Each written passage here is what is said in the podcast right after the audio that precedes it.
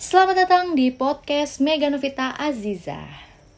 Saya Mega, mahasiswi dari Kampus Universitas Dia Nusantara Bekasi, kelas PR Sabtu pagi.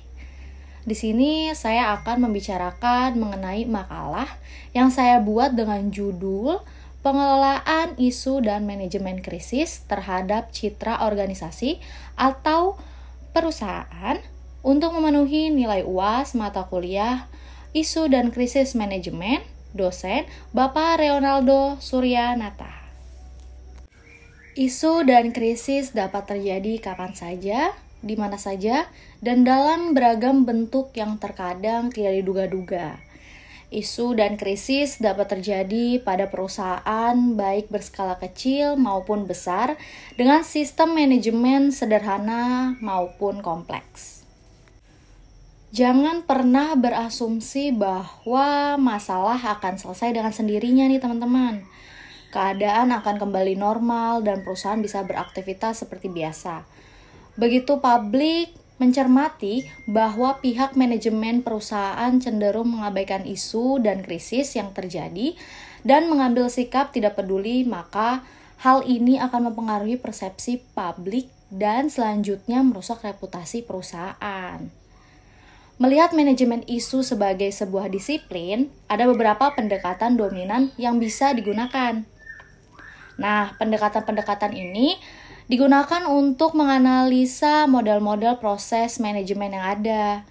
Beragam pendekatan memunculkan kekurangan dari tiap model dan pada akhirnya memberikan solusi bagaimana menutup kekurangan tersebut.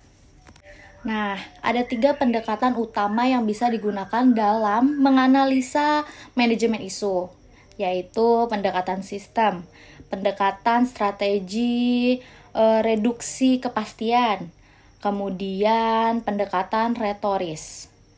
Nah, pentingnya manajemen krisis bagi suatu perusahaan karena pada prakteknya Manajemen krisis memberikan perusahaan kemampuan untuk memberikan respon yang sistematis pada saat kejadian krisis. Respon tersebut memungkinkan perusahaan untuk tetap melanjutkan pekerjaan sehari-hari selama krisis sedang dikelola, karena bagaimanapun krisis tidak dapat menghentikan aktivitas yang sebagaimana mestinya di perusahaan. Hubungan antara isu dan krisis dengan reputasi sesungguhnya dapat dilihat dari aset yang dimiliki perusahaan. Pada prinsipnya, ketika sebuah perusahaan hendak berdiri atau ingin berkembang, ada dua aset yang perlu diperhatikan. Yang pertama, aset fisik, yang kedua, aset non-fisik. Lalu, citra dan reputasi termasuk dalam kategori aset non-fisik. Reputasi bisa memunculkan aspek-aspek menarik atau keunggulan perusahaan dan memperluas pilihan yang ada bagi manajer, seperti menerapkan program inovatif dan proaktif. Maka dari itu, kemampuan media massa untuk membangun opini publik atas isu yang diberitakan pada situasi isu, keberadaan media massa menjadi amplifikasi dari isu kecil menjadi isu besar yang mengarah pada terjadinya krisis. Sedangkan pada isu krisis, kebutuhan publik terhadap informasi cenderung meningkat dan media menjadi salah satu pilihan utama untuk mengikuti perkembangan terhadap krisis dan bagaimana pihak manajemen menangani krisis. Begitu teman-teman semuanya.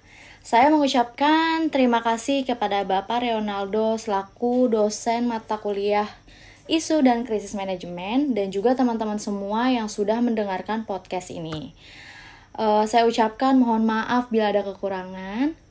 Terima kasih dan sampai jumpa. Dadah.